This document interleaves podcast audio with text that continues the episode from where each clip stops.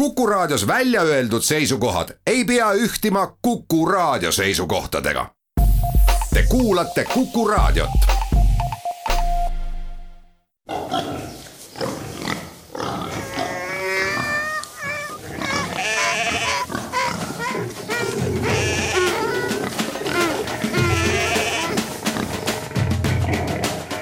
loomult loom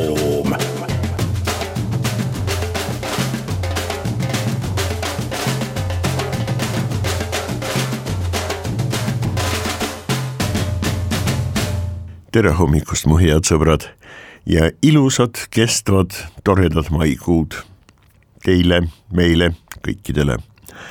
tore kuu, igatepidi. ma äh, tunnistasin juba valjusti, et äh, just nimelt maikuu esimesel poolel mul on selline nagu rutiinselt traditsiooniline reisipalavik no kuskil seal kuklas seljas. tegelikult väga, väga, väga paljud viimastel aastatel, just nimelt maikuus, ma ei olegi Eestist välja suurt läinud, jah, ja pigem see on siis veebruar-märts või siis tõesti september või isegi november Äh, noh, troopika peamiselt, eks ole, sinna on mõtet minna. vot sellistel asja, äh, asjaolud on ju sellised, et tavaliselt seal algab midagi kevadetaolist jah. aga jah, asjalood on sellised, kuid äh, Eestis vähemalt maikuus ma küll hakkan, no mitte just väga rahutult, aga kindlalt ja kindlameelselt liikuma. ja viimasel ajal Äh, noh, teine aasta juba koroonapandeemia olukorras, aga ka enne seda, õige mitmel aastal, kevadel maikuus, ma näen väga vähe lapsi väljas liikumas, tõesti vähe. see minu meelest on suureks mureks ähm, lapsed on niivõrd kindlalt oma mobiiltelefonidest laptopides ja loomulikult televiisorites oma tähelepanuga. et äh, ajada neid õue ei ole üldse nii lihtne. üks minu hea sõbranna oma lastelastele ähm, tavaliselt seab alternatiivsed valikud ette. emb-kumb, kas te lähete õue jalutama või hakkate oma toad koristama. no siis nad muidugi lähevad jalutama, selge see. Äh, nii et see on väga hea võte, kuid äh, jah, ka sellest on ju tegelikult natukene vähe. nii et mu sõbrad, äh, linde, putukaid, ka roomajaid näen ma igal maikuul ja, ja mitte vähe ja aina rohkem. kuid äh, inimlapsi aina vähem. ja see tõepoolest teeb murelikuks, kuid räägime ikkagi teistest loomadest, eks ole.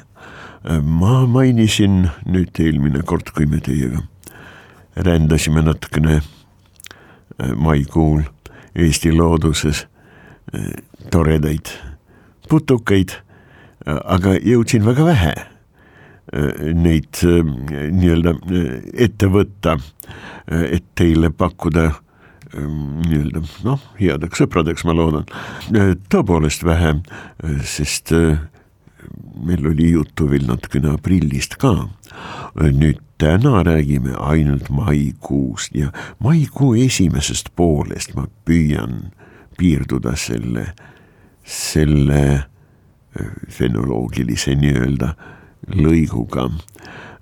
kes on mais?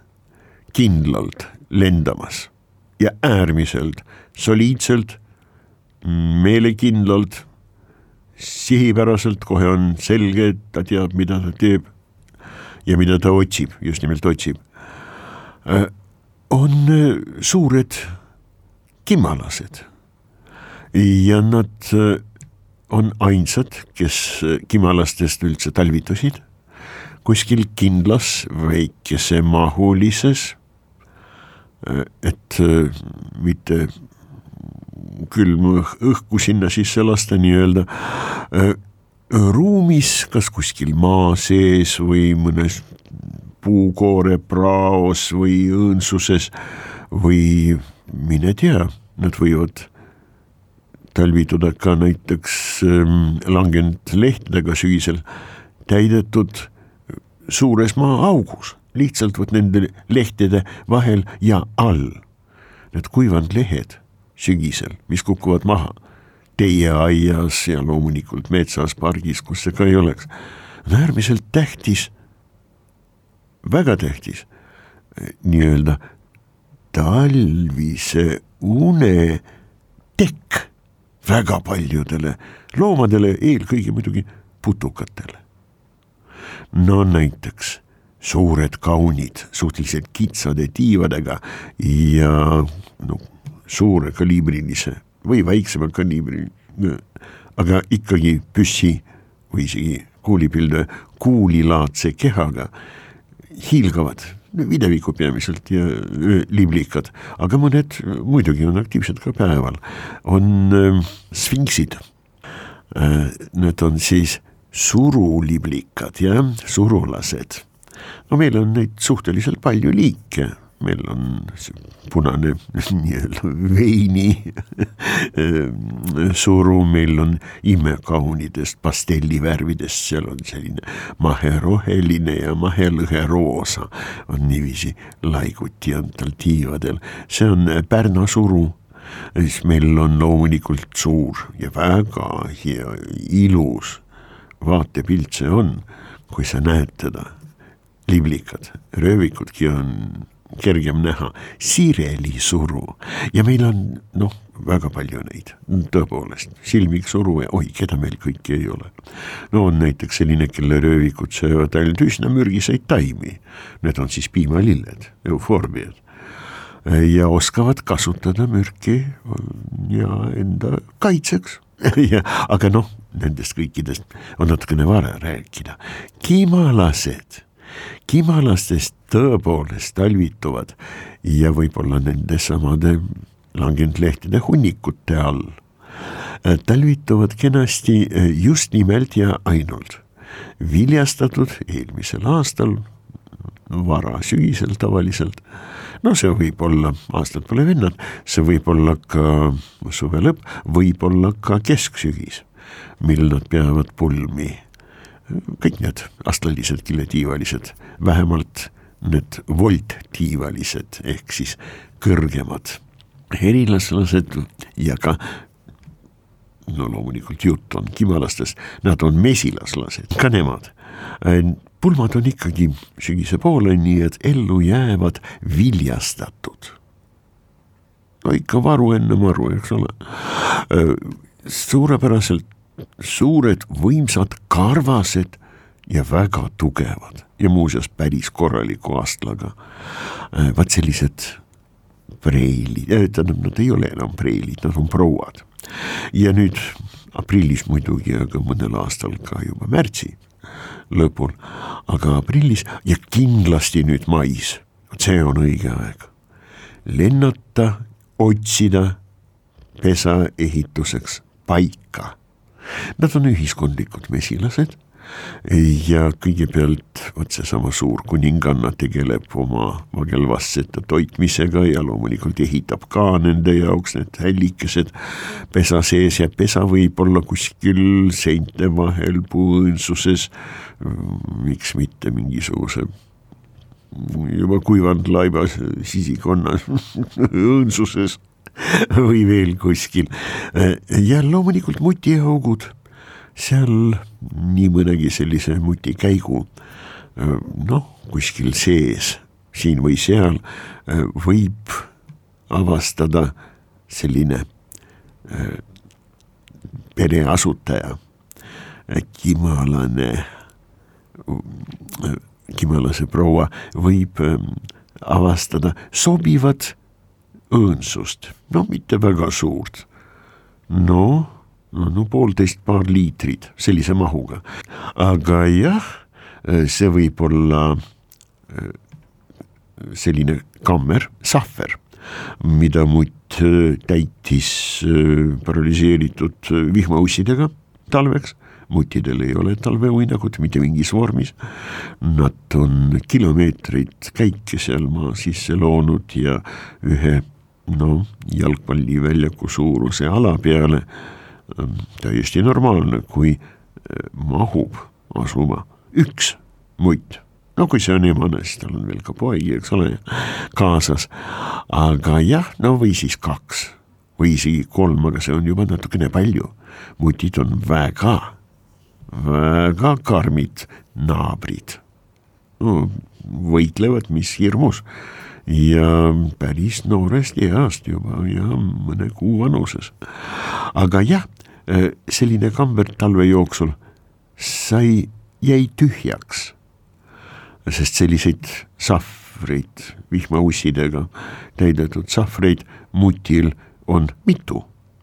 ja eks ta neid varub, maitsvaid vihmaussikesi endale talveks ja muidugi kevadeks. ja siis sööb ja ta on putuktoiduline, tal on suhteliselt kiire ainevahetus ja sööb ta mitte vähe.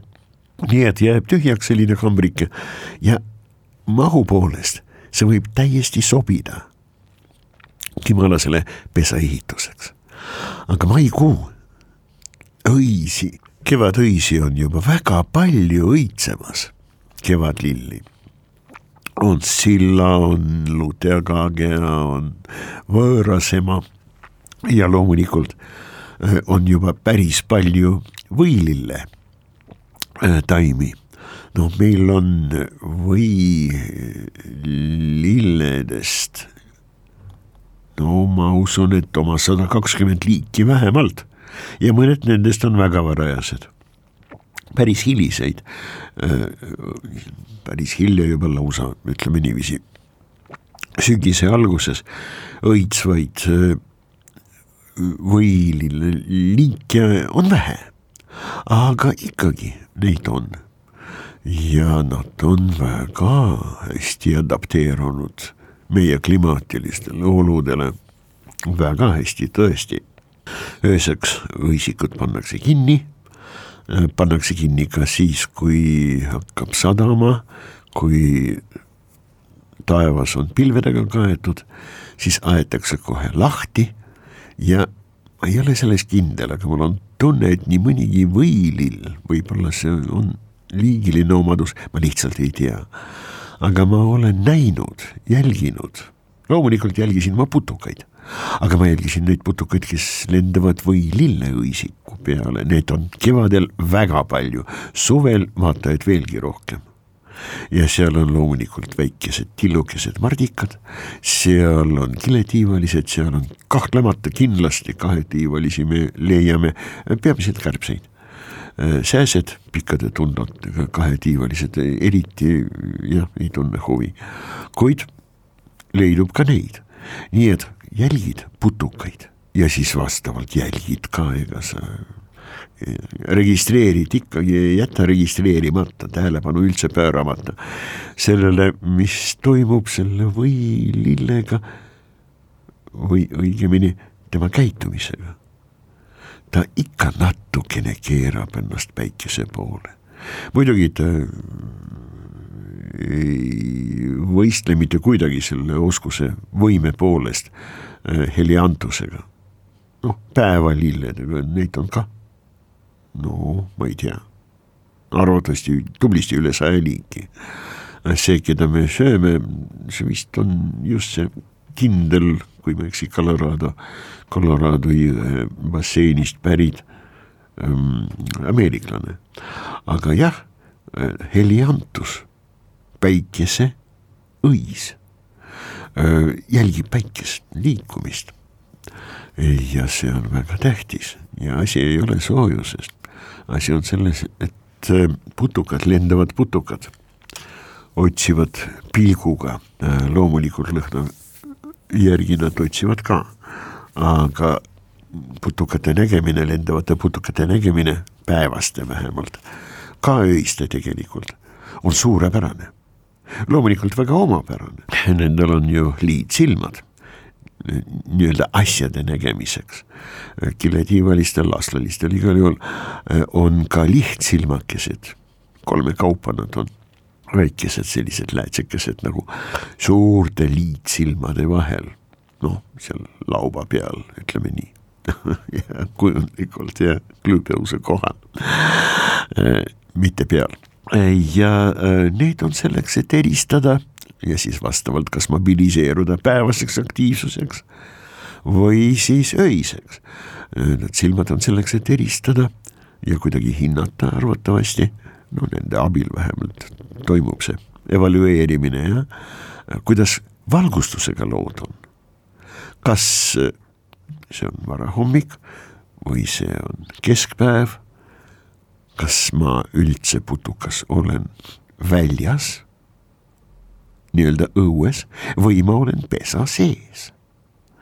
Äh, on katseid tehtud küll ja küll, kuid ei hakka praegu nendest rääkima, igal juhul nad on olemas ka kimalastel ja väga paljudel teistel lenduvatel. Putukatel on see võime vaadata ja hinnata nektaris hankimise võimaluste poolest, vaid tervet seda õitsvate taimede välja mis on nende all, kui nad lendavad. ja õisik, kui see on suunatud päikese poole, on kõige paremini nähtav lendavatele putukatele, sest ega nad ei kipu eriti silmadega päikese poole lendama. Nad lendavad loomulikult keerulist trajektoori pidi, aga see trajektoor on selline, et nendel maksimaalselt palju oleks selliseid õhus lendamas nad on äh, positsioone, kus äh, päike on nende selja taga ja loomulikult nende kohal. nii et õied, mis on päikese poole nii-öelda oma õisiku või õiega või näoga, on kõige paremini nähtavad.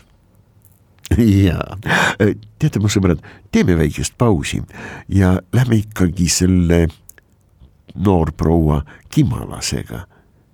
Lähme natukene sööma ka.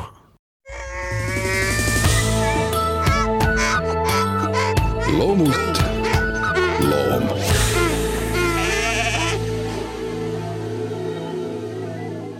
paus tehtud, võime koos selle kimalasega minna nektari järele ja kimalastel on väga pikk ja väga hästi arenenud, tugev ja pumbana võimas, vaat selline nagu kärsake mille abil nad imevad õiemahla, noh nektarid. ja nektar on sahariidide tegelikult kõige tavalisemate suhkrute nii-öelda vesilahus. suurepärane äh, nektari õite, nektari asendaja on kahekümne viie protsentine saharoosi vot selle kõige tavalisem suhkru, mida siin kutsutakse tihtipeale valgeks mürgiks, no mis ei ole mürgiks, kui sellega liialdada. loomulikult kõik on oma nii-öelda vitsaga, kui sa patustad, kuid jah, kahekümne viie protsendine, see on väga magus ja see on ideaalne toit väga paljude putukate valmikutele nüüd õied seda kõike pakuvad, loomulikult seal on teisi aineid ka, selge see. ja kimalane, äh, kui ta otsib pesitsuspaika, on veel täiesti üksinda siin ilmas. pered veel ei ole. Äh, ja pere on tal nii-öelda in lumbi matre in lumbi patres isade noh, kubemees. On järglased, kes mingisugustel rändajal või rändajal sünnivad siis, kui ta on juba kuskile rännanud. no näiteks see on vana mõiste, Rooma-aegne, eks ole. ja tegelikult kreeklastel oli ka see mõiste, et ma saabusin näiteks Ibeeriasse kuskile Heraklase samba juurde, Gibraltari, in lumbi patris. ja, või meie saabusime isade jah, isade vastavates kohtades, okei okay., see tähendab esimene põlvkond, silmas on peetud esimene põlvkond, mis sünnib juba seal uuel kohal. nii et meie kena tore, ta muidugi ei ole mingisugune pater, ta on mater, ta on ema. kimalane peab vahest sööma, ta ei söö palju, ta otsib. varud, energiavarud, ainevarud, kõik on tal eelmisest aastast läbi talve olnud, talvel ta ju praktiliselt ei tarbi midagi. ta on väga sügavas hübernatsioonis. kuid nüüd kevadel ta töötab lihastega ja kümneid kordi sekundis ta tegelikult vibutab omi tiivu, kui ta lendab, sumin missugune. ja loomulikult tal on vaja toitu ja vot maikuus seda juba on. kevade on kõige raskem aeg aastas meie laiuskraadil ja mitte ainult. üldse kõige raskem aeg kõige suuremate väljakutsetega, no linnud. meil talvitub umbes kuuskümmend liiki, kokku meie ornitofaunas on üle kolmesaja kuuekümne liiki linde, nii et ligi kolmsada liiki, no ütleme kakssada millegagi. just nimelt kevadel saabuvad kohale, eelmine kord me rääkisime nendest, eks ole partlased ja loomulikult paljud röövlinnud ja muidugi värvulised, värvulised, värvulised, neid on väga palju. ja kui nad tulevad, nad kõik peavad sööma. sealhulgas sööma peavad ka röövlinnud, ka kiskjad. nii et kevadel toitu taimset toitu. On ju tegelikult üsna vähe. mida toidupoolist võib kevadel päris palju olla, äh, on raibed ja sõnnikud, noh ekskremente, tingimusel, äh, et äh, talv oli enam-vähem püsivalt hästi külm ja paksu lumega vot siis mitte kõik laba, laibakesed ja laibad, mis kukuvad läbi lume sinna maa poole, mitte kõik talve jooksul ei sööda teiste poolt, tarbijate poolt ära. ja, ja, ja siis see on suurepärane toit väga paljudele vastavalt spetsialiseerunud, adapteerunud loomadele. ja loomulikult ekskrementid, koprofaagid, sõnnikusöödikud. ja vaadake, see on märkimisväärne väga paljudest liikidest, just nimelt sõnnikust professionaalselt toituvat liike, sõnnikumõrdikuid, on kevadel väga palju just nimelt maikuus. ja nendel on ka pulmalend mais, no loomulikult juunis ka kuid jah, kevadel, vaat sedalaadi toitu on, muidugi kahetiivalised kärbsed söövad ka seda. Ja muidugi igasugused ussid ja päris kindlasti primitiivsed eh, mittelendavad putukad. Igasugused, oi, neid on väga palju, kes söövad sõnnikud ja loomulikult eh, raibemardikad, raisamardikad, aga ka sellised mardikad nagu äh, lihatoidulised nii-öelda, kiskjalikud need väga huvitavad ja minu lemmikud jooksiklased, mardikad, pikkade jalgadega reeglina, väga elegantse kehaehitusega, kohe näha, et see on aktiivne, äge ja väga pädev kiskja, hea jooksja, väga lähedane sugukond, liiviklased, vot nendel on vaja siiski, et oleks soojem nad mais, vähemalt varakult veel, ma ei ole neid vähemalt kohanud. nii palju, kui ma praegu mäletan, juunis küll ja küll. võib-olla mai lõpupoole ka, nii mõneski kohas liiviklasi kohtad. aga praegu mais, noh, muld on juba pehme ja nii mõneski kohas üsna soe ja liiviklaste nukud ja muidugi ka vassed on äh, paraku jah, täitsa elusad, vertikaalsetest urgudest, mis on täiesti ümmarguse avaga. püstloodis on need urukesed ja uru sees on ruumi. vaat selle liiviklase, selle väga kiskjaliku Mardika vasse jaoks, kelle peakilp on täpselt nagu kanalisatsiooniluuk loomulikult kirjad on teised, aga jah, ta näeb tõepoolest selline välja. Ja nii-öelda esiserva all on väga hirmsad lõuad, päris jubedad lõuad, mandiiblid on ka valmikul. noh, kui näiteks vastavalt see mardikas oleks umbes kassi suurune, siis tema äh, mandiivlide nii-öelda otste siiru ulatus maksimaalne. las ma mõtlen, oi, see oleks üle kahekümne sentimeetri, tublisti ja nad on väga teravad. aga äh, need tema vassed, äh, nad kannatlikult ootavad peakilb kanalisatsiooniluugina täitmas vot selle tema uru sissepääsu tervet ala ja ta ootab, et keegi parajas suuruses, parajalt kerge või raske sammuga astuks talle pea peale, astuks talle pähe. siis ta momentaalselt sukeldub nii, et kukkal allapoole, hirmsad lõuad ülespoole, hamsti sai kätte saaklooma ja urg peab olema piisavalt sügav, et ta saaks sinna sissepoole natukene ennast koos saakloomaga tõmmata. sellised tegelased.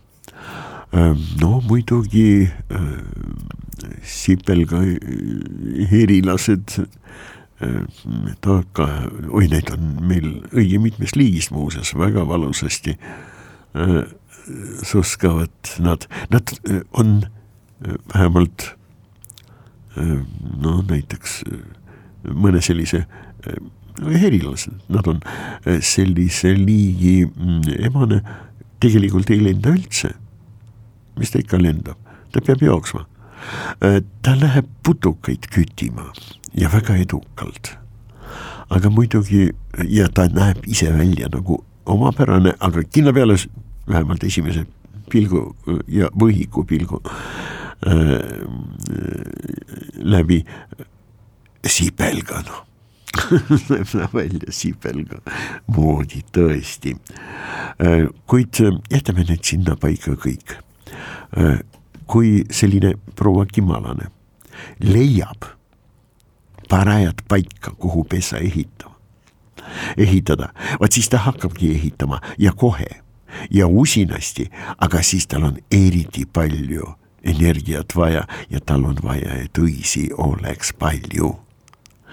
väga hästi sobivad talle loomulikult sellised kollased suured õisikud, kus saab nii mõndagi magusat nagu no kasvõi võõrasema või needsamad juba mainitud võililled, jah. aga loomulikult ta saab teistest, ta saab teistest Äh, lilledest, õitest ähm, ka endale söögipoolist ja muidugi nüüd ta peab äh, noh, varsti toitma lapsi, vaagelvasseid.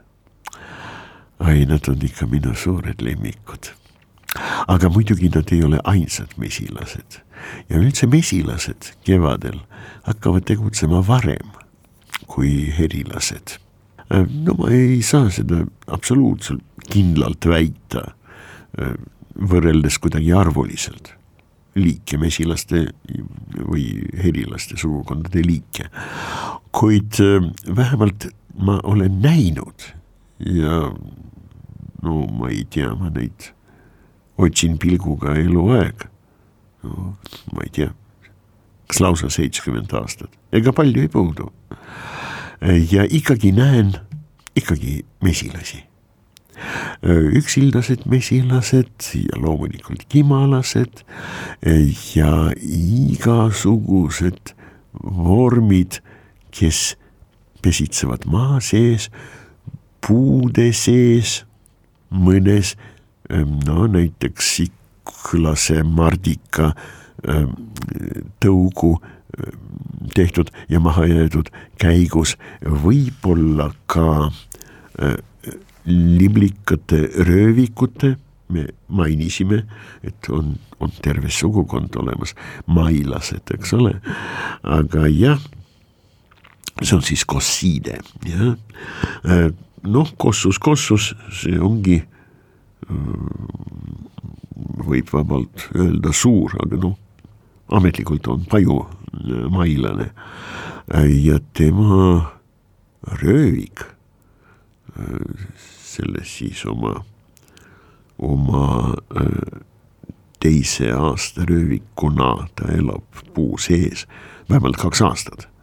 Ja võib-olla kolmanda aasta kevadel tuleb oma nuku kestast välja, siis ta võib olla kümme-kaksteist sentimeetrit pikk. Ja ta on tugev roosa, no tõesti vereroosa, punakas roosa verevärvi. tal on tumepruun, peaaegu must peakilp ja ta hammustab nii, et vähe ei ole, no ta toitub puidust ja ta on pajudes, ta on haavas ja ta loomulikult hea meelega sööb ka saart ja okstes ja tüves. väga huvitav, väga huvitav arengutsükkel äh, on sellel liblikal.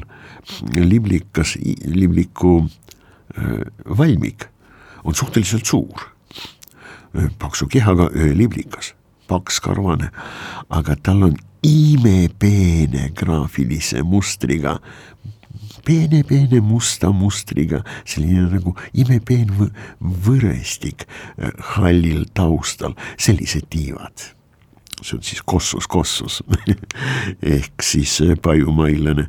no meil on teisest liigist ka mailane olemas, aga meil on veel üks väga huvitav sugukond, kelle röövikud elavad puude sees ja teevad parajaid käike.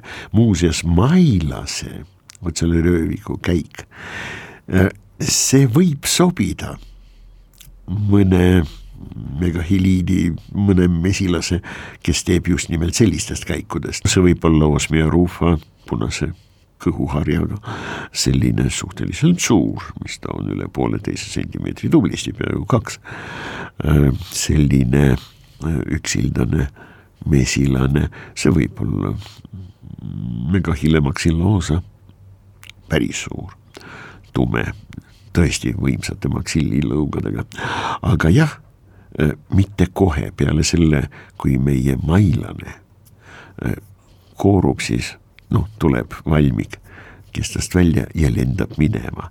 see käik, mida tema röövik tegi, haiseb puupiirituse ja teiste vägevate ainete ja nende viiride järele.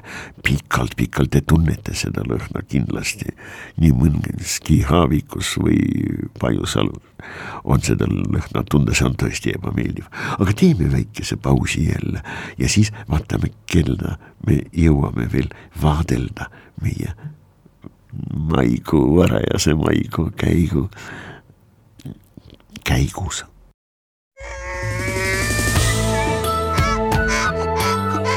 loomult loom.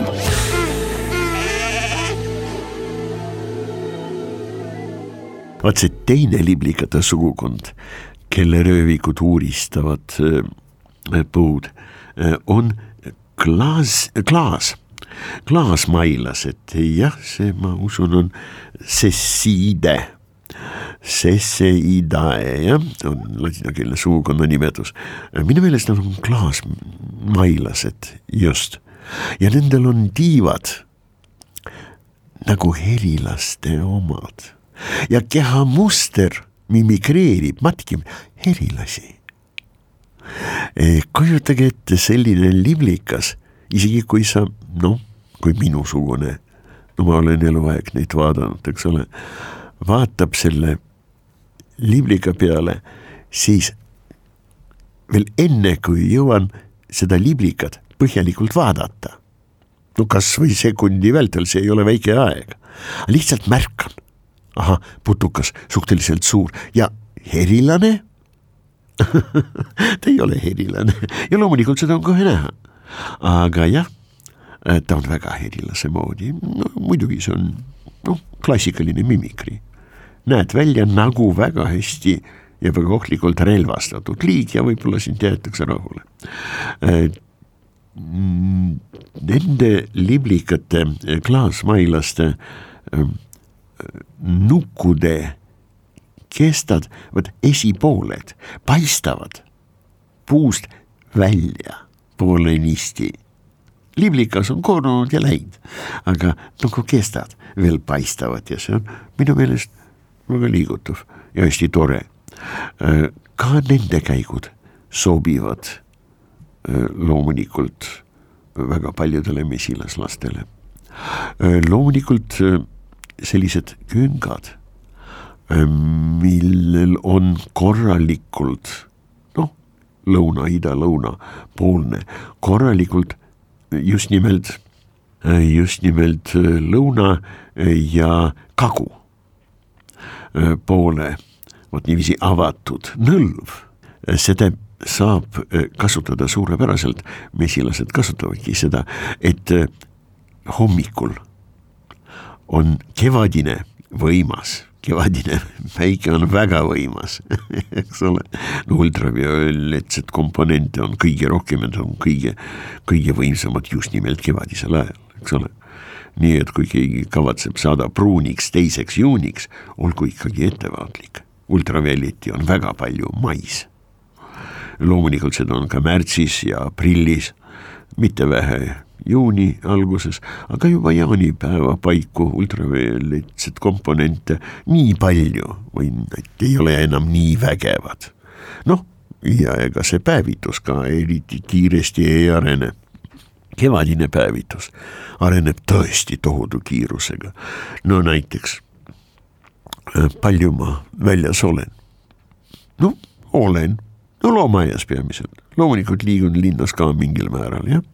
aga meil on pandeemia olukord, meil on restriktsioonid, karantiinid, keelud, reeglid ja nii edasi ja ma olen väga korralik ja, ja, ja sõnakuulelik kodanik. kuid isegi mina, isegi nüüd, kui üldiselt liikumist eriti palju ei ole, ma olen juba no õrnalt, aga pruun teiseks juuniks ma saan päris pruuniks, aga koha peal e, ekraneerida, olla koha peal paigal ja ekraneerida, eriti veel liikumatult ennast. jah, noh, tegelikult eksponeerida on õigem sõna, ekraneerida on peita, aga eksponeerida, nii-öelda avalikustada kevadpäikesele ja kohe hommikust, ma ei tea, seal kella üheni-kaheni päeval, see on väga ohtlik. olge ettevaatlikud, mu sõbrad. Eestimaa päike on võimas, kevadel igal juhul. aga need minu kenad ja toredad loomakesed kasutavad just nimelt hommikust ja päevast võimsat päikesesoojendust selleks, et luua pesad. ja just nimelt maikuu esimesel poolel ma olen näinud, no elavaid väikseid künkaid ehm, kuskil ehm, no vähem kui kümme sentimeetrit pesa avast pesa avani.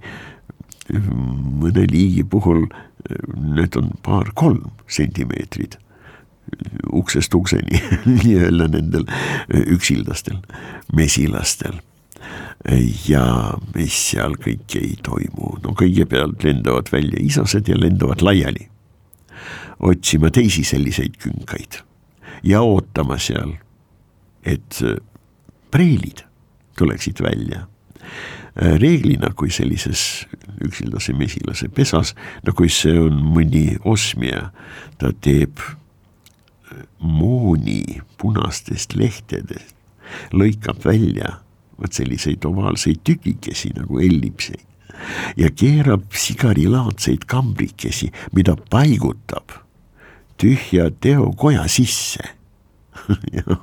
Isegi selline nimetus, teokoja mesilane. Jah, Osmia papaveris, Osmia cornota, bicornis, tricornis, meil on neid õige mitmes liigist või see on siis tõepoolest mingisugune noh, kevadine maamesilane, üksildane Andreena, Andriniide on väga suur alamsugukond või sugukond. sõltub sellest, millist süstemaatikat me kasutame, jah. aga jah, paraku vot selle pesa sees on siis hällikesed ja kõigepealt esimesed mis said valmis pesa kõige sügavamas kohas, on tüdrukute omad. poiste hällikesed on uksele lähedal. nii et kõigepealt lendavad välja poisid ja lendavad laiali. teisi äh, vot selliseid paiki otsima, kus on pesa sees, kus sealsed seal koorunud isased jällegi lendasid kuskile mujale ja vot seal tasub oodata, et tüdrukud tuleksid välja. sedasi käituvad mitte ainult mesilased loomulikult, vaablased ja, ja, ja väga paljud teised. Ehm, no minu lemmikud nüüd astlalised, kiletiivalised ja erilased mesilased. ja no sipelgadega on muidugi teised lood täiesti omaette omaette nähtus, nii-öelda maksimaalselt ühiskondlikud, astlalised, äh, kiletiivalised, noh, mõni mm, meie seast võiks ju noh, ma ei tea, kas ta hakkab kohe vaidlema, miks mitte, võib ka nii, aga noh, avaldab imestust, et kus on sipelgal astel. Ja väga paljudel sipelgatel tõepoolest astel puudub, astla juurde käiv nii-öelda mürginäärmete komplekt on aga nendel kõikidel olemas. no ja pritsivad seda mitte, mitte vähe, kuid primitiivsematel, noh, erilastega eriti sarnastel veel, eks ole, sipelgate liikidel, didopaneeral, poneriinidel, oi, neid on päris palju tegelikult. noh, mõni, mõnisada liiki on selline astel, et no näiteks austraallane buldog või buldogi sipelgas, suur, peaaegu kolm sentimeetrit. kuid ta tõesti suskab oma astlaga. ja kui kaks või kolm, no kui kolm-neli sellist putukat korraga süstivad täiskasvanud inimest see vägagi võimalik, et lõpeb surmaga ja varsti. kohutav mürk on nendel, aga jah, nad on seal Austraalias, me räägime aga maikuu loomadest ja Eestimaal, eks ole. ei, ma näen, et mul on jälle väga vähe aega jäänud, aga jah, keda ma ei jõudnud ja ega ei jõua praegu kommenteerida, väga huvitavad põrnikad no näiteks Polyphylla fullo. ja, ja, ja see on marmorpõrnikas. vahest teda nimetatakse juulipõrnikaks, aga marmorpõrnikas on hea nimetus ja tal on tõesti marmormuster seljas. Nad võivad olla heledama või tumedama tooniga pruuni värvi, nad on suured võivad olla täiesti mustad, huvitav, mul kollektsioonis on väga ammu püütud, täiesti võimalik, et nad olid esimesed leiud Eesti entomofaunas üldse. kindel ma selle peale ei ole, aga et nad on väga varajased leiud, see, seda ma tean. ja mida nad Eestimaal tegid? no vot ei oska öelda. maikuu ei ole nende jaoks iseloomulik aeg pealegi nad ei ela üldse, ei tegutse kuigivõrd, no igal juhul ma ei ole neid kuskil kunagi hiljem näinud, ma olen kahel korral neid leid-, leidnud. ja täiesti võimalik, et nad millegipärast kuskil kaugel hakkasid üle mere lendama, tuul tõi neid siia, ei tea. aga jah, kaks sellist mardikat mul on ja ma leidsin neid, kui ma mäletan õigesti, just nimelt maikuus olge mõnusad ja rõõmsad. olge terved ja ettevaatlikud ja kohtumiseni, sõbrad. loomult loom